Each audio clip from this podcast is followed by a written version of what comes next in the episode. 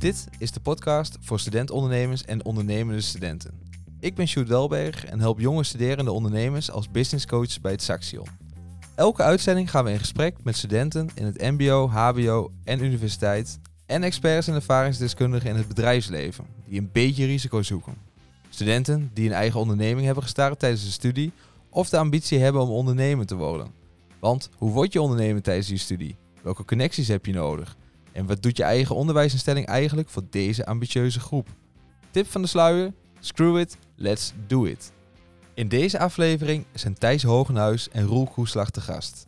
Thijs is auteur van het boek Haas gaat undercover, waarin hij de tekortkomingen van het Nederlandse onderwijssysteem beschrijft tijdens zijn VWO-tijd.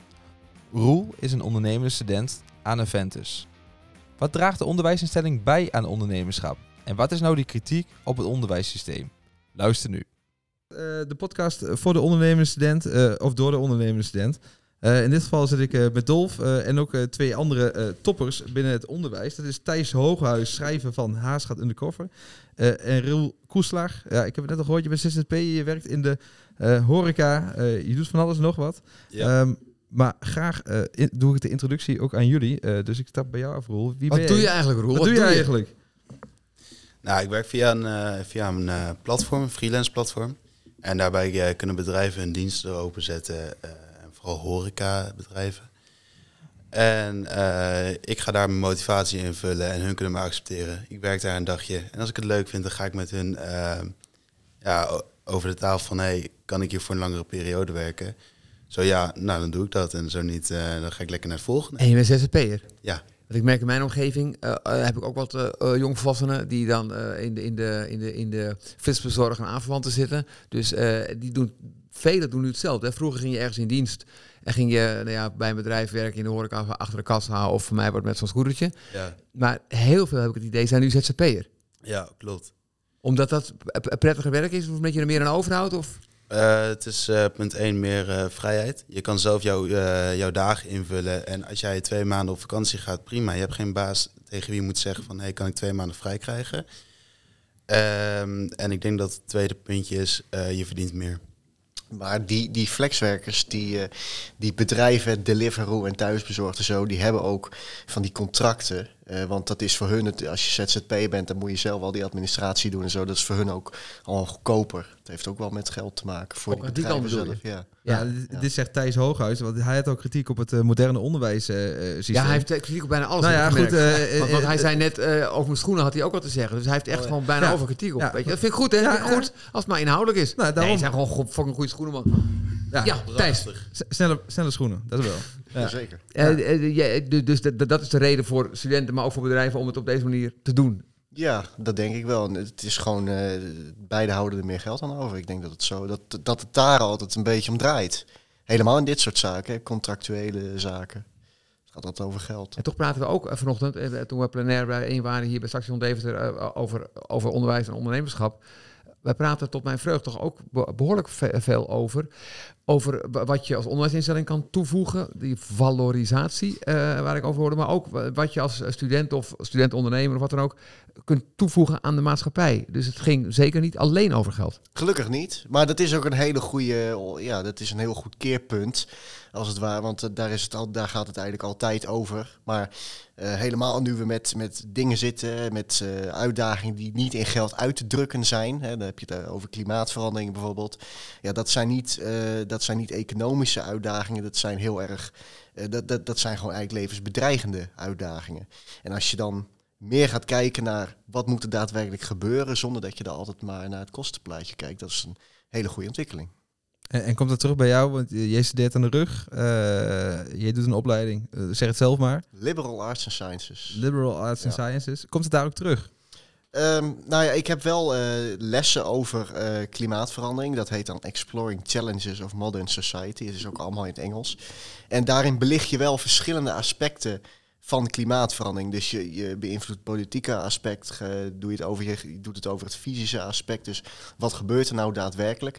Dus vanuit allerlei disciplines kijk je ernaar. Dus dat, dat gebeurt zeker. Je hebt het zeker niet alleen maar over die geldkant, maar ook over de andere kant en hoe we het kunnen oplossen. Ja, en hoe we het kunnen oplossen, daar dus- heb je ondernemerschap bij nodig. En ondernemerschapsvaardigheden, komen die ook terug?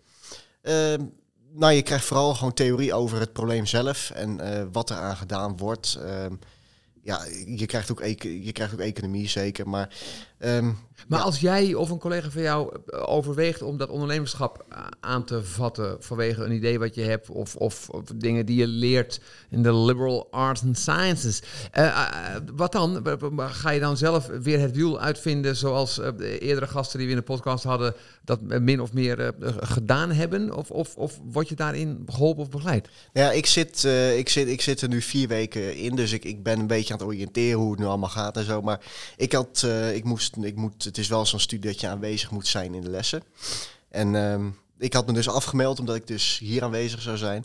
En toen is mij wel gezegd van, ja, misschien, eh, ik heb eh, uitgelegd waarom ik afwezig was. En dat ik een boekje heb geschreven en dat, het daarom, ik daarom hier uitgenodigd was. Maar er werd wel gezegd, ja, misschien kun je dit boekje eens bij die en die neerleggen, want die vindt het misschien ook wel interessant, weet je wel. Dus het wordt wel, er is zo'n cultuur aanwezig dat je wel aanmoedigt om dit soort dingen te doen. Dus dat is zeker positief om, eh, om te zien. En, en dan kijk ik inderdaad hier naar, eh, naar rechts, naar Roel. Ja, Roel, jij bent eh, natuurlijk eh, een echte eh, ondernemer in SP. Want eh, vertel eens wat je doet qua opleiding. Ik doe de opleiding ondernemer retail e-commerce. Nou, daar zit alles in. Ik Ja. denk dat jullie kunnen samenwerken. Maar ik wil dan wel weten, ik, ik ken alle losse, losse termen die je zegt. Wat, eh, wat word je dan? Wat, wat is dan waar je in uitgaat of wil komen? Nou, in principe krijg je gewoon alle informatie om een eigen bedrijf te starten. Maar ik eh, vind dat er zit nog geen creatieve kant bij. Dus wij krijgen heel erg veel, eh, bijvoorbeeld goederenstroom en financieel. Dat is allemaal... Dus de zakelijke kant, om het zo te zeggen, die, die, die, die wordt belicht. Ja. En wat mis je? Je zegt de creatieve kant. Wat, wat, wat, wat, wat bedoel je daarmee? Nou, bijvoorbeeld zelf een onderneming starten tij- tijdens school of met groepjes samenwerken om ideeën van eh, andere ondernemers op te lossen. En daar hebben we één keer de kans voor gekregen, maar ik vind dat we daar eh, veel meer de kans voor moeten krijgen.